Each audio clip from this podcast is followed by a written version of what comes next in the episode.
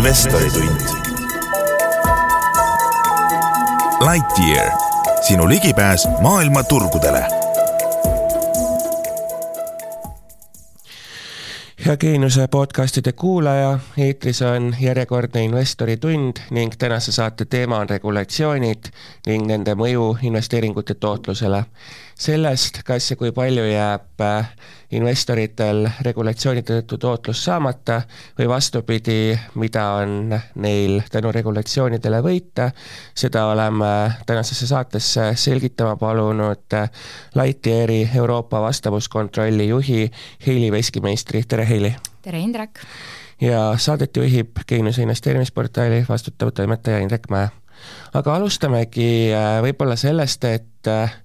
kui te vaatate täna Euroopas investeerimist puudutavaid regulatsioone, et kuidas teile tundub, äh, on neid liiga palju, on sealt midagi puudu või, äh, või, või mis mulje kogu see nii-öelda rägastik jätab? Ähm, jah, finantsteenuseid laiemalt reguleerivate regulatsioonide hulk on pea hoomamatu. kui me keskendume ainult investeerimisele, siis, siis juba ainuüksi MIFID kaks, mis on peamine investorkaitset ja investeerimisühingute tegevust reguleeriv õigusakt äh, sisaldab Financial Timesi kohaselt üks koma seitse miljonit paragrahvi, ma ei ole ise neid kokku lugenud. Äh, lisaks sellele tuleb investeerimisühingul teenust osutades järgida palju muid erinevaid regulatsioone, alates rahapesu tõkestamisest äh, äh, isikuandmete kaitseni ja, ja turu kuritarvitamine ja, ja kõik muud äh, ütleme, sellised regulatiivse raporteerimise ja, ja iseenda äh, Äh, kapitali adekvaatsuse säilitamisega seonduvad regulatsioonid. ma arvan, et üks positiivne trend Euroopas on viimase kümne aasta jooksul olnud see, et ähm, kui esmakordselt tuleb välja mingi uus regulatsioon, no näiteks kui MIFID tuli, esimene MIFID tuli tegelikult aastal kaks tuhat neli, siis MIFID kaks äh, tuli välja küll paljude rohkemate alamaktidega, aga enamus sellest regulatsioonist on määrus. Äh, ja Euroopa määrused on otsekohalduvad igale liikmesriigile ja selle eesmärk on tegelikult harmoniseerida investeerimisühingute tegevust piiriüleselt ja seeläbi loomulikult siis võimaldada ka ühes riigis asutatud ja tegevusloa saanud investeerimisühingul laieneda üle-euroopaliselt ja samaaegselt tagada kõikidele nendele klientidele ühetaoline kaitse ja tõhus järelevalve. Ehm, kui Euroopas on, nagu te ka mainisite, et MIFIDis üks koma seitse miljonit paragrahvi, et tundub nagu meeletult palju, et kui te nagu selle taustal võrdlete Euroopa investorit, kes, kes peab eh, kõigile nendele paragrahvidele alluma ja võrdlete USA investorit, et kas siis USA investori elu on kuidagi parem, kas USA investoril on on vähem regulatsioone ja tänu sellele ka kuidagi rohkem võimalusi ka Euroopa investoril. Jaa, see on hea küsimus, ma ei tunne USA regulatsioone, raskusi on Euroopa omade tundmisega piisaval määral, et äh, ma arvan, et USA-s on ka piisavalt palju killustatust. Ähm,, üleüldiselt nüüd, kui me jätame natuke regulatsioonid kõrvale, siis investeerimiskultuuri mõttes loomulikult on USA meest mitmeid samme ees, et üle poolte sealsete kodanikke tegelikult investeerib. Ähm, ja ameeriklastel on kindlasti ka koduväljaku eelis, äh, arvestades, et nende kohalikel börsidel on tegelikult ju enamus maailma suurimad ettevõtted noteeritud ja ühtlasi need on noteeritud nende enda kohalikus valuutas. seega sisuliselt neil ei, neil ei teki probleeme äh, access'iga äh,, ligipääsuga nendele instrumentidele ja nad ei pea muuhulgas ka valuuta konverteerimise ja muude selliste keerukuste peale mõtlema äh,. Turg on loomulikult ka suur ja ilmselt instrumentide ring ja valikuvabadus tõenäoliselt on, on veidi laiem kui Euroopas. saan aru, et äh, mõned aastad tagasi äh, see oligi vist äkki selle uue, uue MIFIDiga, et äh, keelati Euroopa investoritele ära USA ETF-id, seal olid veel igasugused ADR-id ehk siis hoidmistunnused ja nii edasi ja nii edasi, et mm., et Euroopa investorile justkui see USA efektiivne turg muutus palju vähem kättesaadavaks, et et miks seda tehti? jaa äh,, nii tõesti juhtus, kas regulatsiooni loojatel oli see kohe alguses kuidagi ka teada, seda ma ei oska öelda, see lihtsalt täpsustuseks, see, see tuli MIFID kahega täpselt samal ajal, aga see on eraldiseisev regulatsioon, see on PRIIPS määrus, see sisuliselt reguleerib kõiki erinevaid jaeklientidele pakutavaid paketeeritud tooteid ja fondid on samamoodi paketeeritud, sisuliselt kui sa ei otse, otse, kui sa ei osta otse alusvara, siis tõenäoliselt on seal ümber mingi pakett ja täiesti Euroopa regulatsioonidele vastavad äh, fondid, UCITS fondid ja alternatiiv, eurofondid ja alternatiivfondid mm, tegelikult kuuluvad sellesama nõude alla ja see peamine nõue siis, millest, mille tõttu nagu tekkis ka see keeld, on, et äh, fondi valitseja on kohustatud äh, looma key information dokumendi, mis sisaldab siis, noh, seal on hästi spetsiifiliselt ette antud stsenaariumid ja infoväljad, mille sa pead äh, andma kliendile ja kogu selle mõte oli tegelikult see, et jaeinvestor, kui ta hakkab otsustama nüüd, et millist fondi näiteks ta ostab, siis ta võib võtta kolm-viis, ükskõik kui palju ta vahel ta valib, panna need giiddokumendid kõrvuti ja võrrelda ja teha sealt nii-öelda endale kõige sobivama otsuse. ja, ja miks siis USA ETF-id sellega nagu ära kadusid? Ähm,, esiteks ähm, USA fondivalitsejad peaksid hakkama siis järgima Euroopa nõuet, kui nad tahaksid lubada ligipääsu Euroopa jaeinvestoritele, ma arvan, neil on oma koduturul piisavalt palju investoreid, neil ilmselt puudub lihtsalt see incentive ja veel üks, ma, ma, ma ei tea, kas see on päris tõsi, aga, aga, aga mingid väljaanded on kirjutanud, et äh, kui selle Euroopa regulatsiooni giiddokument nõuab, et fondivalitseja esitleks kliendile nelja erinevat potentsiaalset tootluse stsenaariumit, siis USA-s on regulatsioon, mis sõnaselgelt keelab selliste tootlusstsenaariumite esitlemise, aga jah, ma arvan, et mitte ainult see üks nüanss, et äh, vaid lihtsalt laiemalt see, see kohustus, see giiddokument koostada, see tõlkida, see kogu aeg up to date hoida, noh, see ei ole tegelikult, äh, see ei ole nagu niisama, et see on halduskoormus, mida ma arvan, et lihtsalt USA suurtel fondivalitsejatel Nad ei näe põhjust kas selle äh, dokumendi osas mingi keeleline mm, nõue ka on, et ala, et su-, või piisab nagu inglise keelest või on seal ka mingisugust bürokraatiat? no see oleneb üldiselt, määrus ütleb, et äh, et inglise keel on, on okei okay,, kui äh, koduriigi järelevalve seda lubab, äh, muidu see peaks olema eelduslikult kohalikus keeles, aga nüüd me räägime praegu Priipsist, et näiteks eurofondidel täna sellist nõuet ei ole, et kas on mingisugunegi võimalus täna, et kui ma siit tahan äh, vaadata mõnda toredat USA ETF-i, et ma selle selle kätte saaksin või, või siis vastupidi, et seda teenust pakkuda, et kas näiteks sellist varianti ei ole, et tuleb teenusepakkuja, kes viitsib need dokumendid äh, korda ajada, nii-öelda justkui seda vahendusteenust sinna vahele pakkuda ja siis saaks seda ikka viia või kuidas, kuidas see läbi? oli esimene mõte see oli esimene mõte kõikidel teenuseosutajatel, kui see, kui, kui see määrus välja tuli ja ja seda paraku ei ole, sellepärast et see kohustus kuulub äh, ikkagi sellele fondi valitsejale ja ta peaks siis äh, põhimõtteliselt selle kohustuse edasi andma vastavale teenuseosutajale, selleks on vaja nendega ju siis luua mingisugune suhe, nad peavad sind usaldama, et äh, kui selles dokumendis midagi on valesti, siis lõppvastutus kuulub ikkagi sellele fondi valitsejale, et ma arvan, et see on lihtsalt jällegi risk, mida nad ei näe äh, vajalikuks võtta.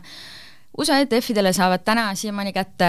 professionaalseks liigitatud kliendid, nii olemuslikult professionaalsed kui siis ka need kliendid, ütleme jaekliendid, kes, kes arvavad, et nad on äh, et nad vastavad professionaalse kliendi kriteeriumitele,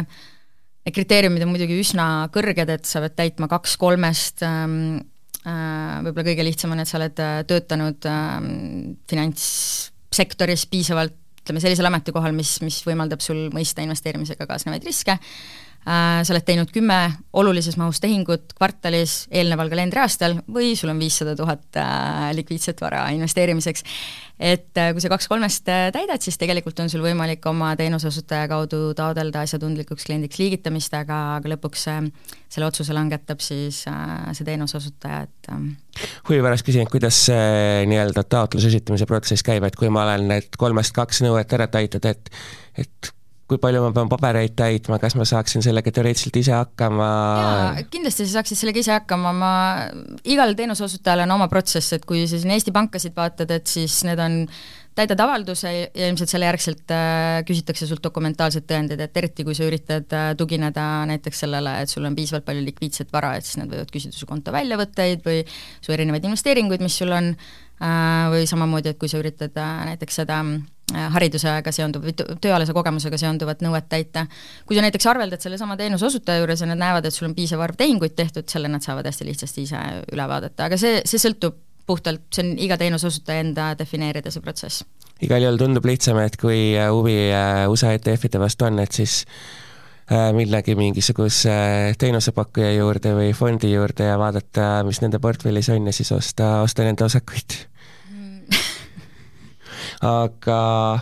kui siit nüüd edasi minna, et siis tegelikult väga palju instrumente on noteeritud ka, ka nii-öelda kohalikel börsidel, et, et ma saan aru, et neile saab ligi, et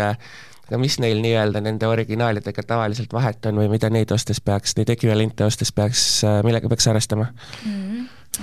No siin ei ole päris nagu kindlasti selline originaal versus võltsing suhe nendel omavahel, aga üleüldiselt ma arvan et, et üheksakümnel protsendil juhul tegelikult on sul võimalik saada sama exposure USA turgudele läbi Euroopas asutatud äh, fondide. Et äh, aga nagu ma enne ka mainisin, siis USA turg on lihtsalt niivõrd palju suurem ja seal on kindlasti nagu palju rohkem selliseid ähm, värvikamaid ja, ja võib-olla nagu nüansirikkamaid fonde. Äh,, seal on natukene äh, võib-olla rohkem investeeritakse ka aktiivselt juhitud äh, fondidesse, aga need muidugi seonduvad ka omakorda hoopis teistsuguste riskidega, on ju et ähm, aga jah, hiljuti keegi äh, USA-s äh, lõi sellise äh, ta, Buzz ETF-i äh,, mis on siis nagu kollektsioon meme-stockidest, et tõenäoliselt Euroopas äh, ei saa kunagi midagi sellist olema, aga, aga samas ei, ma ei ole kindel, et Euroopa investorid sellega ka äh, suuresti kaotavad. aga jah, Euroopa plussid üleüldiselt noh, jällegi, et kui ma nagu toon regu-, regulatiivse vaate, et siis äh, sellised ETF-id on on asutatud, loodud ja nad on järelevalvatavad kindlate ühiste reeglite järgi, äh, selles mõttes, ja need reeglid on loodud ilmselgelt äh, investorite kaitseks, et nad on, et seal ei saa juhtuda midagi nagu väga ootamatut ja ähm, ja noh, teine on siis seesama kiitdokument, millest me rääkisime, äh, mis on olemas ainult Euroopa ETF-idel. ma arvan, et algaja investori jaoks tegelikult äh, on, on see väga okei okay ja ma arvan, et äh, algajad investorid võiksidki alustada võib-olla, kui nad, kui nad mõtlevad ETF-idesse investeerimisel, et tegelikult võttagi mõned need kittdokumendid ette ja vaadata need läbi ja, ja saada aimu, et kuidas üldse sellised instrumendid töötavad ja, ja mis nendega kaasnevad. Kas ähm, regulatsioonide poole pealt on ka mingit vahet, et äh, et kas investor investeerib äh, ettevõtte alt või eraisikuna, et kas ettevõtte alt saab ta mingeid erisusi või, või rohkem ligipääse või on, või on tegelikult kõik sama um,? No üldiselt ettevõttena, eh, sellised ettevõtted, kes on loodud investeerimiseks, tihtipeale neil on ka suurem portfell, um, selles mõttes sealt võib järeldada, et võib olla suurem tõenäosus äh, saada liigitatud asjatundlikuks kliendiks, aga noh, see ei ole iseenesest mitte mingisugune garantii. Um, no Eesti, kui me räägime Eesti ettevõtetest, investeerivatest ettevõtetest, et siis äh, võrdluses eraisikutega maksuefektiivsus on kindlasti, kindlasti suur, suur-suur põhjus, miks miks inimesed investeerivad ikkagi läbi oma OÜ-de äh,, investeerimiskonto on täna küllaltki piiratud. et noh, näiteks äriühingu kaudu investeerides on ju võimalik arvesse võtta kõik tehingute tegemise kui ka väärtpaberi hoidmisega seotud kulud, mida füüsilise isikuga ei, täna ei ole ja, ja kõikidest investeeringutest saadud kahjumit on võimalik ka äriühingu kaudu investeerides arvesse võtta, aga füüsilise isiku puhul ikkagi üksnes võõrandamisest saadud kahju äh,. Lightyear äh, hakkas alates äh, selle nädala neljapäevast pakkuma siis investeerimise võimalust ettevõtetele, et miks te seda kohe algusest peale ei teinud, et kujutan ette, et siin on ka mingisugune regulatsioonide rägastik taga või kui suur töö see oli, et, et sinna jõuda? Ähm,? regulatsioonid on alati mängus iga uue feature'i ja, ja, ja täiendava võimaluse loomisega ähm, nüüd pannes asju perspektiivi, siis mina olen töötanud Lightyearis poolteist aastat, ma liitusin eelmise aasta maikuus ja mu esimene ülesanne oli anda sisse tegevusluba. tegevusloa saime märtsis äh,, piiriülese õiguse osutada seda teenust terves Euroopas, kõigis EA riikides ka, kokku kolmekümnes riigis saime me äh, mais ja me launch isime üheksateistkümnes riigis juulis, et see on päris korralik äh, töö, mis tuli ära teha, et tegelikult äh, selline ikkagi nagu väga-väga kiire laienemine nii lühikese ajaga ära teha, et noh, siia veel kõrvale nagu mahtusid kõikide partnerluste ülesehitamine, ligipääsud Euroopa turgudele, USA turgudele ähm,, see on, see on, see infrastruktuur, infrastruktuuri ehitamine on oluliselt keerukam kui see, mida te kliendina äpist näete. aga ka oluliselt põnevam äh,, vähemalt minu jaoks et äh, jah, ja me, meie strateegiliselt oligi, et me laieneme, me laieneme kiiresti ja ja, ja me lansseerisime kõikides nendes üheksateistkümnes riigis terves Eurotsoonis siis ühe sama toote. Me teadsime juba ammu muidugi, et Eesti inimestele on, on ettevõtte alt investeerimine väga-väga oluline, samaaegselt me üritasime ka ikkagi teatud inimest, inimesi veenda investeerimiskonto regulatsiooni laiendamiseks, aga see meil piisavalt kiiresti ei õnnestunud ähm,. Aga jah, kui me launch isime, me saime kohe hästi palju tagasisidet, et ikkagi ettevõtete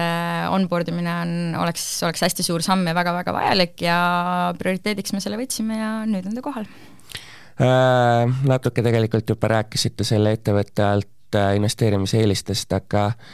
aga, aga mis on ikkagi need äh, nii-öelda kokkuvõtvalt need põhipunktid, miks siis äh,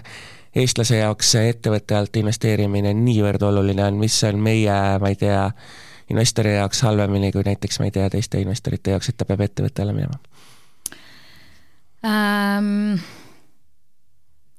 Tegelikult, äh, tegelikult see maksupool ongi peamine, ma ütlen täitsa ausalt siin Eestis, et äh, et näiteks MIFID-i enda vaates, investeerimisteenuste äh, regulatsioonide vaates, investorikaitse vaates oled sa ikkagi retail client, sa oled ikkagi jaeklient, ole sa osaühing või oled sa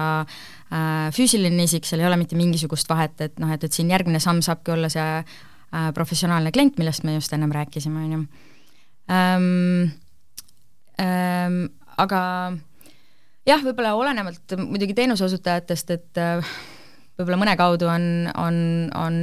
ärikliendile kuidagi nagu teistsugused äh, tingimused ka, mis, mis, mis soodustavad või, või tingivad selle, et nad kasutavad äriühingut, aga samaaegselt jällegi on tihtipeale ka äriühinguna investeerides kulud suuremad, on ju, et näiteks kontokulud või tehingukulud, et äh, et ähm, jah. Äh kui rääkida nüüd natukene tasudest, et siis, äh, siis see on ka alati üks pool, mis, äh, mis investorit äh, huvitab, et äh, et millised on Lightyeari ettevõtete tehingutasud võrreldes äh, tehingutasudega, mis te pakute eraisikutelt, et on seal üldse mingeid erisusi või, või puuduvad need täiesti nagu, nagu eraisikutel kuidas see käib? Need äh, puuduvad, meil on tasu ja toode eraisikutel ja ettevõtetel täna sama, et äh, meil on investeerimisel ainult üks tasu, see on null koma viis protsenti valuuta vahetuse pealt. Ja kui sa investeerid äh, muidugi euroala instrumentidesse ja deponeerid äh, eurodes raha, siis tegelikult ei ole isegi seda tasu, et äh, hoidmistasusid ei ole, eraldi tehingutasusid ei ole, ehk et ettevõtete ja eraisikute vahel me, me siin vahet ei tee. Ja ähm, arvan, et äh, meie rakenduse kasutusmugavus, eriti konto loomise nagu valupunktide lahendamise osas äh, äriklientidele on, on hästi suur pluss, miks äh, miks erinevate teenuseosutava, teenuseosutajate vahel valides võiks kaaluda Lightyeari, et meie puhul see toimib oluliselt kiiremini kui näiteks mõne teise teenuseosutajaga. kusjuures ka ise nagu investorina vaadates äh, ja teie nii-öelda toodet tervikuna, noh tundub iseenesest niisugune äh, päris lahe asi, mida katsetada, pluss siis äh, see tasuta pool, mida te just kirjeldasite, aga siin on üks äh, suur aga, et kui äh, ma investorina soovin täna teie juurde tulla ja mul on portfell juba olemas, siis ähm, kuna, kuna te hakkate võimaldama seda või, või kas te hakkate kunagi võimaldama seda, et saaks olemasoleva portfelli nii-öelda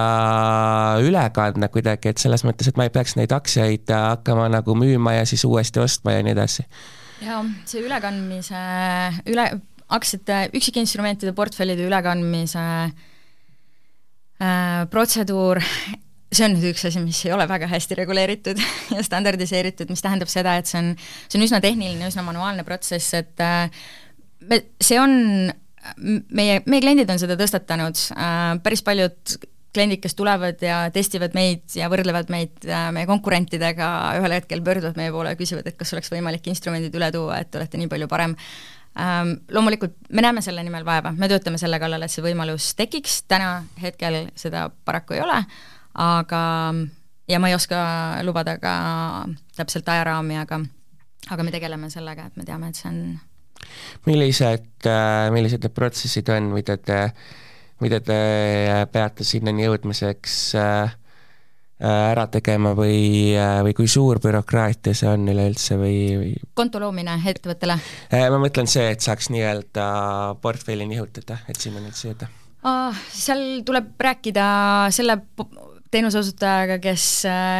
kelle juures need instrumendid täna on ja siis leppida kokku asjakohased andmed, mida vahetatakse, see sõltub kindlasti sellest, kus instrumendid on registreeritud, kuidas need täpselt sealt liiguvad, see on see on, see jääb isegi nagu minu teadmistest natuke välja, see on hästi operatsiooniline, hästi tehniline ja seondub kogu selle infrastruktuuriga, mis, mis väärtpaberite hoidmisele ähm, kohaldub. aga jah, räägime nüüd siis ettevõtte äh, konto registreerimisest ka, et äh, ma tean seda, et kui sa lähed panka, siis pangas käib see protsess nii, et sa lähed sinna kontorisse, sind tuvastatakse, siis küsitakse erinevaid äh, küsimusi äh,, tuvastatakse tegelikult kasusaajaid ja nii edasi, et ma saan aru, et teil on see protsess äh, oluliselt lihtsam, aga et te teete ikkagi need vajalikud nõuded ära, et et kuidas, kui, kui ettevõte tahab Lightyeari kontot registreerida, et kuidas see käib, kaua see aega võtab, mida küsitakse? See võtab, äh, see võtab väga vähe aega teatud eelduste täitmisel see võtab väga-väga vähe aega. Ehm, ma arvan, et ehm, see, see see koht, kus me oleme suutnud efektiivsust luua ja kus me tegelikult loome efektiivsust samamoodi nagu efektiivsust kulude kokkuhoidmisel, on, on tegelikult see, et, et, et pangad on hästi pikalt siin turul olnud, neil on hästi standardiseeritud protsessid ja see protsess, mis neil on, peab äh, sobima ühtviisi ühe isiku ettevõttele ja samaaegselt näiteks äh, mingisuguse suurele finantskonglomeraadile, on ju, et, et ähm, ja neid protsesse on hästi keeruline suurtel ettevõtetel muuta äh,. me oleme väga väike ettevõte äh,, me liigume kiiresti ja meie jaoks on see oluliselt lihtsam. et äh, me oleme defineerinud mõned parameetrid äh,, mis on olulised äh,, me oleme ehitanud automaatsed kontrollid äh,, mis äh, erinevaid riskiindikaatoreid kontrollivad, onboard imine face-to-face meil ei toimi, meil kontorit ei ole, me oleme puhtalt äh, ikkagi nagu äpi vahendusel, ähm, see ei ole üldse midagi uudset, äh, see toimub meil jaeisikutele ja juriidilistele isikutele. Ja erinevad andmed saame me ka tõmmata automaatselt registrist, kuna meil on ehitatud vajalikud integratsioonid, nii et äh, tegelikult kui sul näiteks leikood on olemas, siis äh, sisuliselt äh, peaks vist aega võtma umbes äkki viis minutit kas ma sain õigesti aru, kuskilt jäi nagu kõrva, et selleks, et ettevõttele teie juures kontot luua, et selleks peab äh, eraisikuna ka konto olema? nii on ja sealt see efektiivsus tuleb, et, äh, et vaata, nagu sa ütlesid ka, et pangad hakkavad tuvastama ubosid, et äh, ja selle jaoks ka ubosid ja juhatuse liikmeid samamoodi. Et selle jaoks, et see kõik toimuks äh, sujuvalt, tuleb alustada eraisikuna konto loomisest võib-olla oluline siinjuures on märkida, et kui sa eraisikuna investeerida ei taha, siis keegi sind selleks ei kohusta, sellele konto, saavad konto ära, selle järgselt mitte mingisuguseid tasusid sulle ei kohaldu, kui sa seal ühtegi tehingut ei tee. Ehk et äh, see ei ole kuidagi äh, nagu koormav, see on lihtsalt äh, selle äh, verifitseerimisprotsessi läbimiseks. ehk siis see eraisiku konto aitab tagada seda tunne oma kliendi põhimõtet äh, sisuliselt? jah, UBO ja juhatuse liikme osas loomulikult ja siis eraldi onboarding juhat- äh,, äriühingule aitab tagada tunne oma klienti äriühingu vaates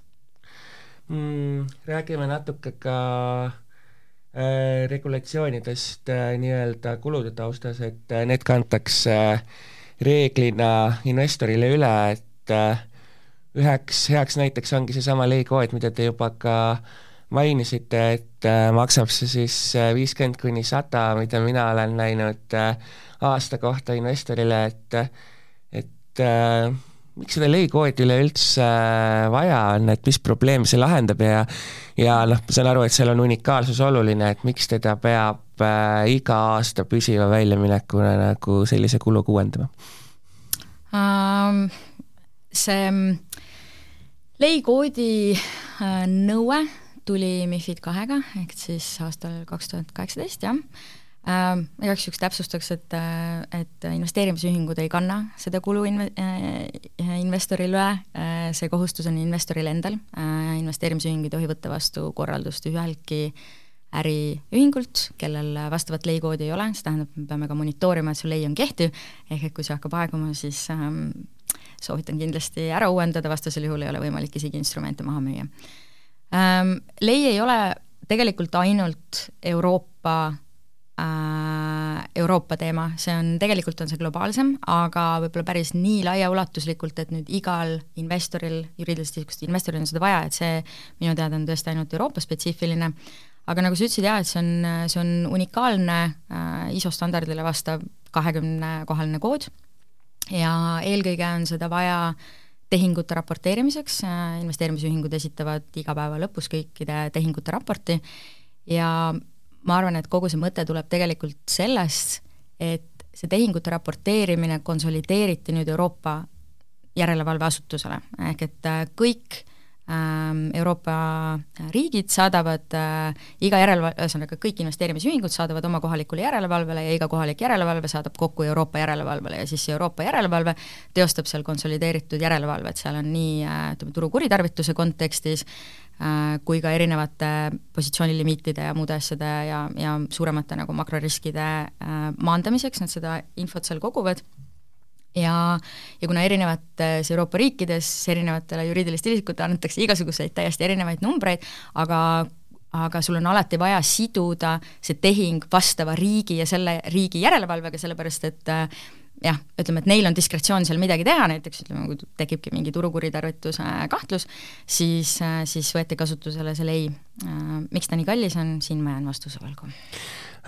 mainisite tegelikult äh, nii-öelda neid tagajärgi ka, et kui see lei ära aegub, et mis siis juhtub, et osta-müüa enam ei saa, ehk siis investor jääb sisuliselt oma, oma portfelliga lõksu, et ma saan aru, et teoreetiliselt siis, kui investoril on üks suurem summa, mille ta tahab ära paigutada ja mida ta enam kümme aastat näppida ei taha, et siis tal teoreetiliselt, kui ta tehinguid teha ei taha, et siis ta vähemalt hoida saab ilma leikvodita ma arvan, et äh, sa ei tea kunagi, mis turgudel juhtub, on ju, et äh, ma sellist äh, nõuannet siin andma ei hakka, aga, aga teoritiseerida võib äh,. Räägime natuke ka päris algajatest, et et üks huvitav asi, nüüd ei tea, kuidas teie juures sellega on, aga aga kui sa tahad nagu investeerida, et siis, siis lastakse sul ära täita mingisugune investeerimisteadmiste küsimustik ja ja väheste teadmiste korral saad sa hoiatusi, et võib-olla ei ole mõistlik investeerimisega tegeleda ja nii edasi, et teiselt, teiselt poolt äh, räägitakse pidevalt sellest, kuidas rahatarkust peaks arendama ja et ikka investeerige ja nii edasi, et kas need, kas see regulatsioon nagu investoreid kuidagi eemale ei peleta või need küsimustikud või mm -hmm. kuidas te seda tunnetate um,? Jaa, siin on jälle natukene tegelikult nüanssides küsimus, et, ähm, et seda küsimustikku äh, teadmiste ja kogemuste kohta, ähm, see tuleb kliendile presenteerida, need küsimused koguda ja vähese, väheste teadmiste kohal, kohas, väheste teadmiste puhul anda kliendile ka asjakohane hoiatus ainult siis, kui klient tahab hakata investeerima keerukatesse instrumentidesse. no ma arvan, et see on tegelikult täiesti proportsionaalne. proportsionaalne on ta just nimelt sellel põhjusel, et sinu ainus äh, noh, et investeerimisühing ei keela sul sellistesse instrumentidesse investeerida, aga tal on kohustus sind hoiatada, et see võib-olla ei ole okei okay. ja ma arvan, et see on täiesti proportsionaalne, kui sa oledki algaja investor, sa ei tea mitte midagi, sa ei tea näiteks, mis vahe on aktsial või CFD-l, siis tegelikult ongi täiesti okei okay,, et investeerimisühing ütleb sulle, et oota, see on natukene teistsugune instrument, kui sul sellega mitte mingisugust kogemust ei ole, siis tegelikult äh, võib-olla nagu võtta hoog maha, loe mõned materjalid ja vaatame siis edasi, on ju. noh, kaheksakümmend üheksa või, või umbes selline protsent jaeinvestoritest kaotab CFD-dega raha, et, et noh, et, et ma arvan, et see on okei okay. ähm,. loomulikult investeerimisega seonduvad teadmised ja rahatarkus laiemalt on väga-väga oluline teema, millega tulekski tegeleda, sellega tuleks tegeleda ikkagi nagu rohujuure tasemel koolides äh, ja nii edasi ja nii edasi, see on oluliselt äh, laiem teema, millesse me ilmselt siin ei lähe, aga tegelikult on võimalik igaühel oma, oma teadmisi kasvatada ka siis, kui nad proovivad äh, orienteeruda teenuseosutaja poolt pakutavate dokumentide rägastikus, et mõni teeb seda, mõni teenuseosutaja esitab sellised olulised kirjeldused nagu instrumentidest, investeerimisega seonduvatest üldistest riskidest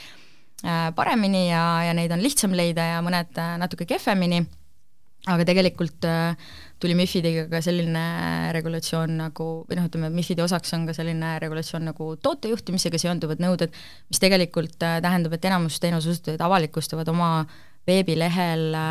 ka ütleme, instrumentide tüüpide lõikes äh, Äh, sellised jah, ei või neutraalne vastused erinevatele küsimustele, näiteks oled sa täiesti algteadmistega investor, mis tähendab, et sa võidki olla täiesti esmakordne, sul puuduvad igasugused teadmised, välja arvatud võib-olla see, et, et kapital äh, või noh, et sa võid kapitalikahju kanda, on ju.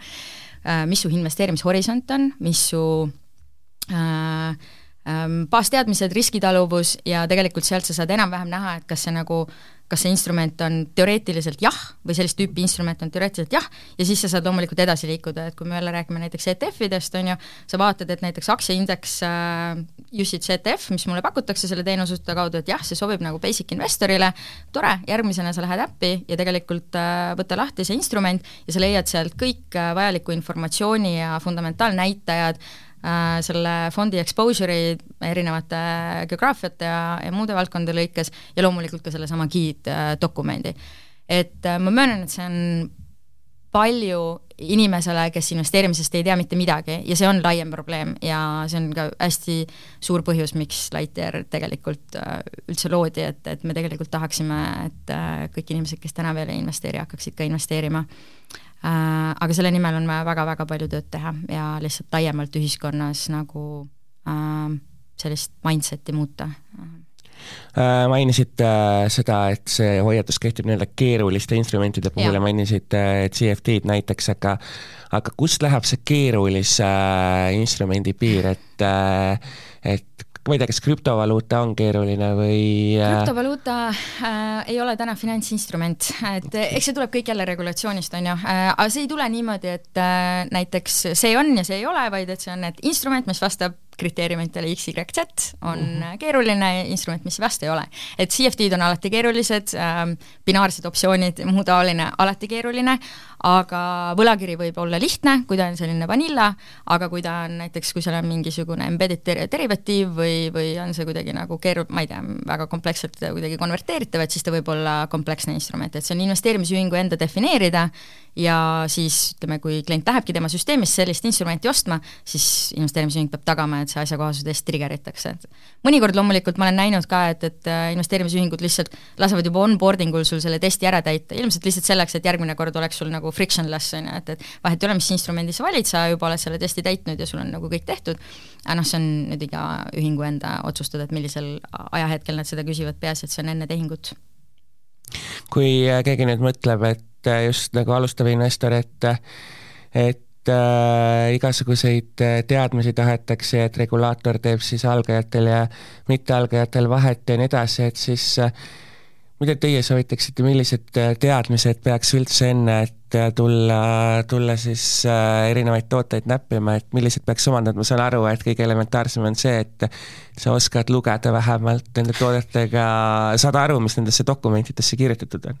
jah, ega see arusaamine on ka selline, et kõikidest nüanssidest võib-olla ei pruugi kohe algul aru saada, ma arvan, et alustama peaks sellest, et äh, mis on su investeerimise eesmärk,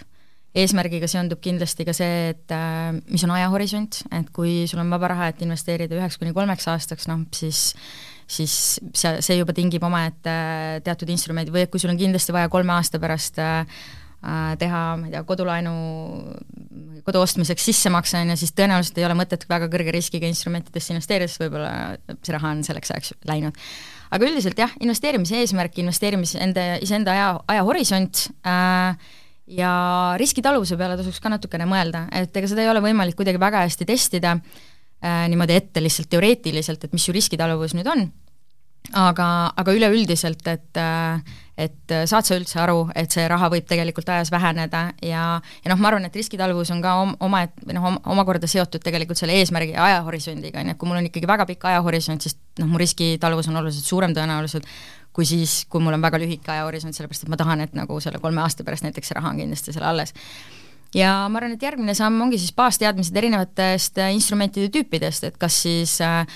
um,. Noh, minu personaalne arvamus on, et esmakordne investor üksikaktsiatega nüüd hakata siin day trade ima, ei, minule ei tundu see nagu kõige parem variant. kui sa oled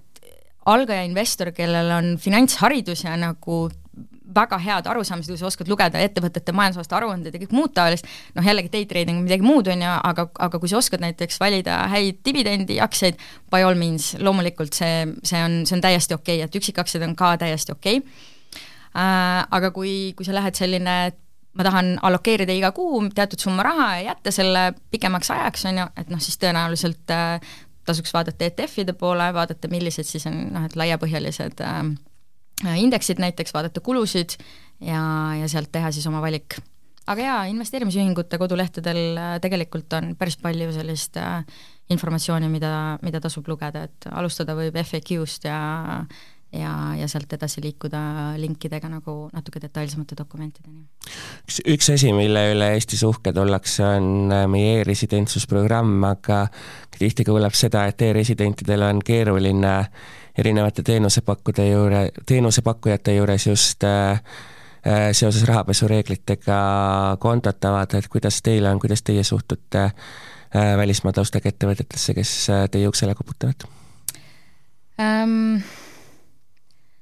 See nüüd oleneb, kus, kuidapidi vaadata, et ähm, miks Eesti pangad ajalooliselt ei ole e-residente väga või, või võib-olla on jah, meedias on päris palju artikleid olnud, et neil tekivad siin raskused, on see, et, et ähm, et tekkis e-residentsuse andmisega tekkis ilmselt eeldus, et kui ma olen e-resident, siis ma olen kuidagi nagu verifitseeritud ja, ja minu taust on kontrollitud ja kõik muu selline, mis tegelikult ju ei vasta tõele ja pangal mitte mingisugust ligipääsu mitte mingitele kontrollitud andmetele ei ole ja, ja kui me räägime rahapesunõuetest laiemalt, et ähm, siis ainult üks osa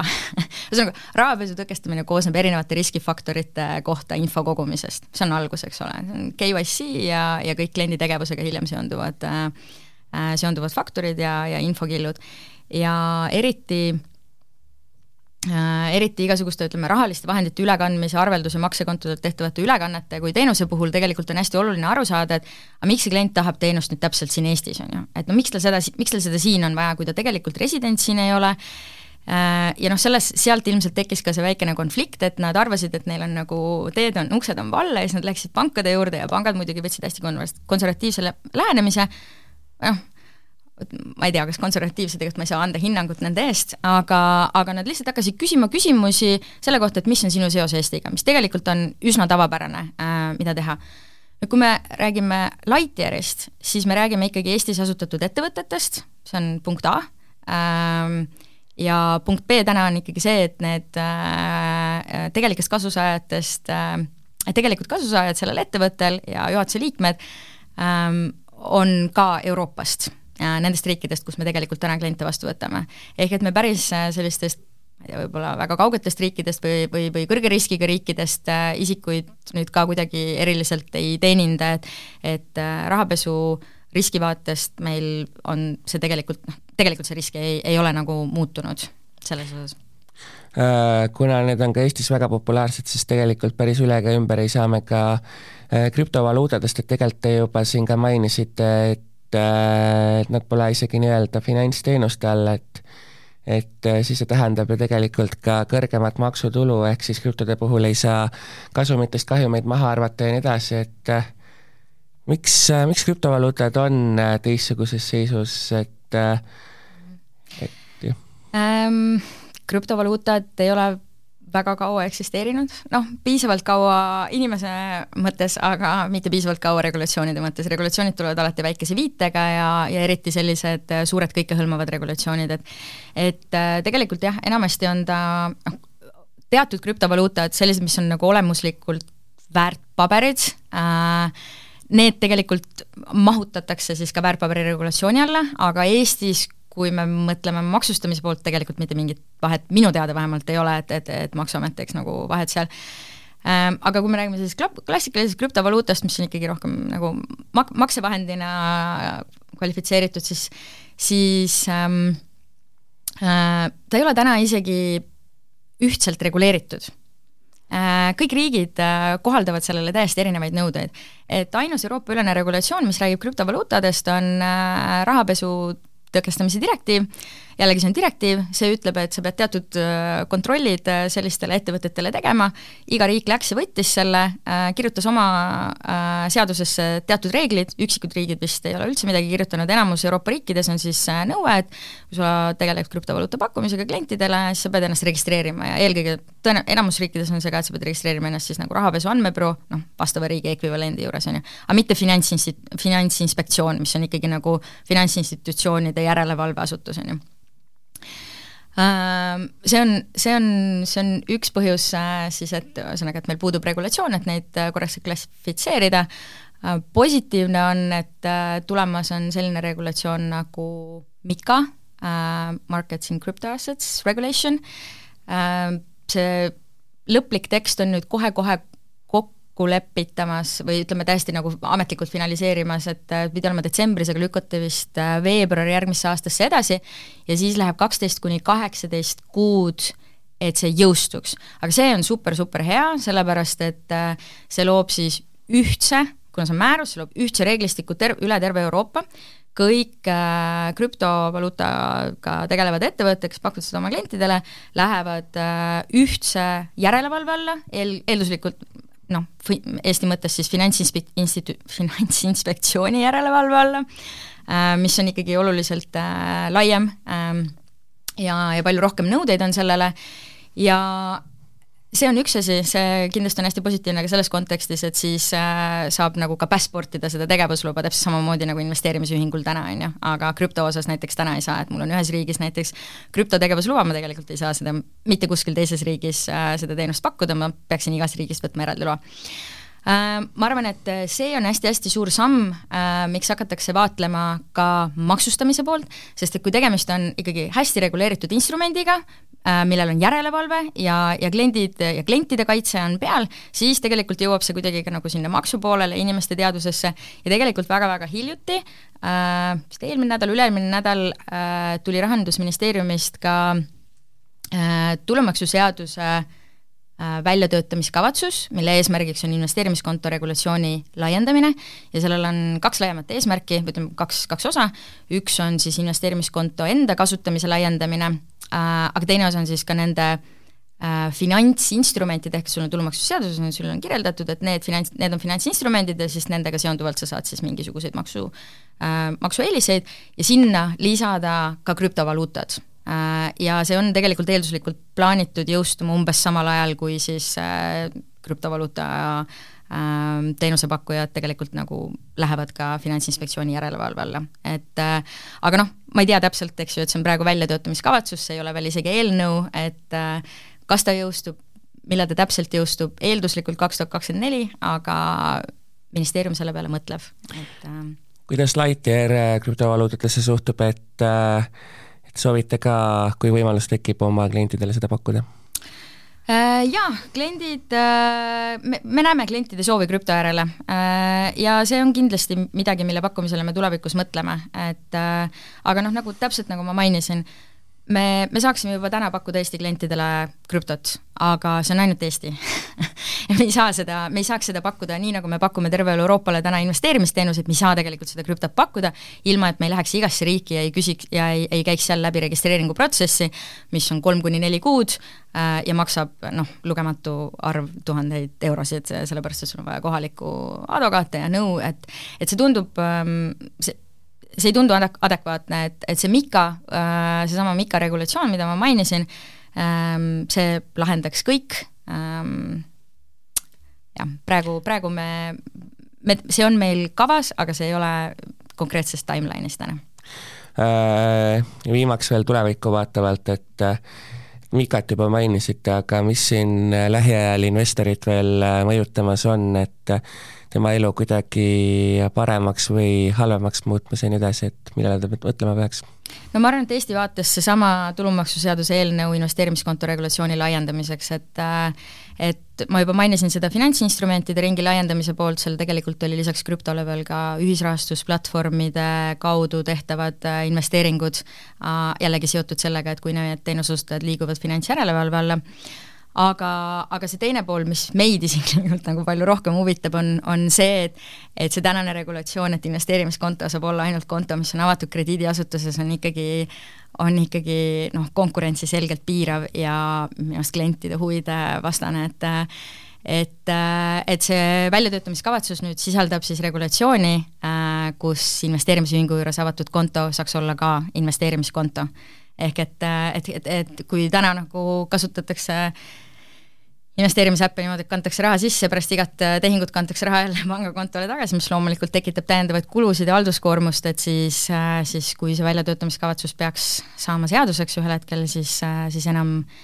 enam sellist vajadust ei ole, et see on hästi positiivne. Euroopa, Euroopa vaates seesama MiCA, mis võimaldaks siis tegelikult on ju pakkuda seda krüptot niimoodi Äh, terves Euroopas kõikidele meie Euroopa klientidele, äh, sealhulgas Eesti klientidele. muus osas ma ära minemas regulatsioone ausalt ei näe. Ähm, mida, mida ma näen, on lihtsalt see, et, et erinevad regulatsioonid, äh, mis võivad olla juba ka teine iteratsioon nendest, näiteks ma ei tea, Shareholders Rights Directive kaks, näiteks selle kohta just ESMA saatis äh, äh, avaldas avaliku konsultatsiooni, et äh, kuidas see toimib ja kas see toimib ja, ja küsimusi saavad, küsimustele saavad vastata nii professionaalsed turuosalised kui kliendid ise, on ju. üks oluline nüanss seal kindlasti on, on see, et tegelikult väga hästi nagu ei toimu aktsionäride poolt hääletamine erinevatel üldkoosolekutel siin Euroopas, et, äh, et regulatsioon iseenesest justkui seda võimaldab, aga info ei liigu ja, ja ma arvan, et üks ajend, Esma pole seda otse välja öelnud, aga ma ise arvan, et üks, üks ajend nagu äh, sellise review tegemiseks on, on võib-olla see, ja neid review si tehakse erinevate regulatsioonide osas, tegelikult sellesama PRIIPS määruse osas ka, mis need KIIT-dokumendid meile tõi ja USA instrumendid äh, selle tagajärjel nagu kättesaamatuks tegid. Ähm, et jah, tehakse regulatsioonidele regulaarseid äh, ülevaateid, kas need toimivad, on need efektiivsed, kas midagi on vaja juurde lisada, midagi on vaja ära võtta, aga ma ei ole väga palju äravõtmist näinud kahjuks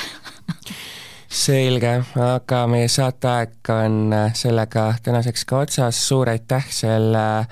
intervjuu eest, Lightyeari Euroopa vastavuskontrolli